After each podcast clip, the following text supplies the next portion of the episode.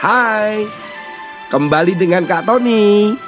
Kita akan membedah, membuka, belajar tentang kitab Amsal yang ditulis oleh Raja Salomo agar kita mendapatkan hikmat pengetahuan dalam menjalani kehidupan ini. Dibawakan oleh Kak Tony. Tuhan Yesus memberkati.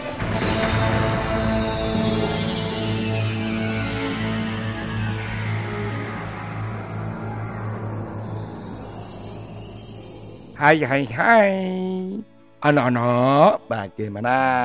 Sudah siap untuk mendengarkan firman Tuhan hari ini untuk direnungkan? Sebelum Kak Tony menyampaikan firman Tuhan Kak Tony akan ceritakan sesuatu Tahukah kalian ada sebuah keanehan yang pernah Kak Tony lihat Kalau Kak Tony sedang ada di tempat makan kalau di tempat makan biasanya sering kali ada binatang yang kecil yang berterbangan. Kira-kira itu apa? Burung. Wah, salah. Mana ada burung di tempat makan? Yang ada adalah lalat. Terima kasih, terima kasih atas segala uh, sambutannya. nah, bagaimana anak-anak untuk mengusir lalat itu? Ternyata ada berbagai macam selain ada obat-obatan tertentu. Wah, ke obat-obat ya anti lalat yang kita bisa beli di toko-toko. Ternyata secara tradisional anak-anak ada pengusir lalat yang membuat Kak Tony heran. Karena awalnya begini, ini apa ya? Saya tanya kepada penjual makanan di situ.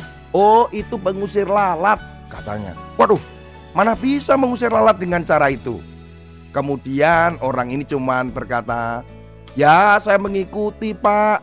Karena selama ini katanya mengusir lalat itu bisa dengan cara seperti ini. Memasang alat ini." Loh. Bagaimana bisa? Kalian tahu nggak alatnya itu apa? Ternyata alatnya adalah air yang dimasukkan di dalam plastik kemudian digantungkan Wow, itu apa sebenarnya? Kak Tony jadi bingung. Ada plastik digantungkan berisi air. Mana ada lalatnya mau lari? Ketika Kak Tony tanya lagi, logikanya di mana? Apakah ada lalat terus kemudian melihat air itu kemudian bisa melihat wajahnya takut kemudian lari? Wah, mana ada seperti itu. Masa lalatnya melihat dirinya terus kemudian takut terus lari? Dan akhirnya Kak Tony mengetahui mengapa alat yang diisi dengan air itu yaitu plastik diisi air dan digantungkan itu bisa mengusir lalat. Setelah bertahun-tahun Kak Tony akhirnya tahu dan diikuti oleh semua orang ternyata bukan hanya di Indonesia saja. Ternyata cara itu sudah digunakan di Amerika, terutama di daerah selatan Florida sampai Texas. Wah, ini berarti siapa yang meniru ya? Amerika atau Indonesia? Wah, kurang tahu. Yang jelas itu turun temurun belajar dari orang diikutin, kemudian ngikutin lagi. Akhirnya sampailah sekarang plastik yang ada di atas dan kemudian digantung dengan berisi air itu bisa mengusir lalat. Nah, di mana letak logikanya? Ternyata air yang di dalam plastik itu memantulkan cahaya lampu ataupun matahari. Sehingga ketika lalat itu mendekat di daerah situ, maka lalat itu akan merasa silau Ketika silau maka lalat itu akan menghindari atau mendekat di daerah dekat dengan plastik yang berisi air tersebut. Nah, cuman masalahnya adalah cara ini akan kurang berguna apabila ruangannya tertutup karena cahaya yang paling menakutkan lalat adalah cahaya dari matahari. Anak-anak, sering kali kita juga mengikuti cara orang lain cara-cara teman kita, cara-cara siapa saja yang kita lihat bahwa mereka itu berhasil, mereka itu menang, mereka itu juara begitu. Kalau teman kita pintar, kita mulai menyelidiki. Kira-kira bagaimana cara belajarnya? Kok bisa pintar ya? Saya akan mengikuti apa yang dilakukan oleh dia. Mungkin begitu. Atau ketika kita sedang latihan olahraga, ternyata kita melihat teman kita berprestasi di olahraga, kita mulai melihat bagaimana caranya supaya dia bisa berprestasi. Dan kemudian kita melakukan sama seperti teman-teman kita itu. Nah, ini yang disebut dikatakan di dalam Amsal pasal yang kedua ayat yang ke-20.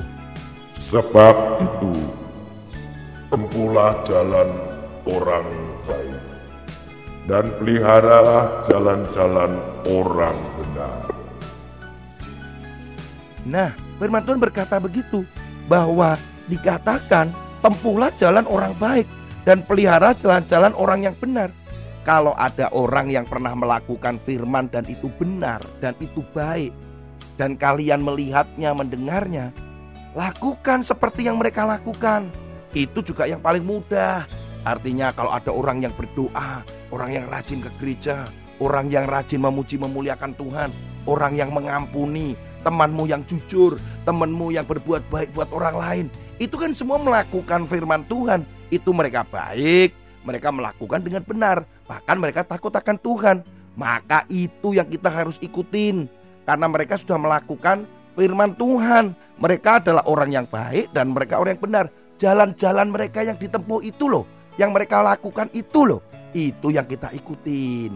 Jangan yang jahat-jahat atau yang temanmu yang tidak melakukan firman Tuhan, yang nyontek kamu ikutin, yang menipu kamu ikutin, yang kemudian marah-marah dengan orang tuanya kamu ikutin. Itu jangan diikutin. Ikutin yang mereka benar-benar melakukan dengan baik dan yang benar.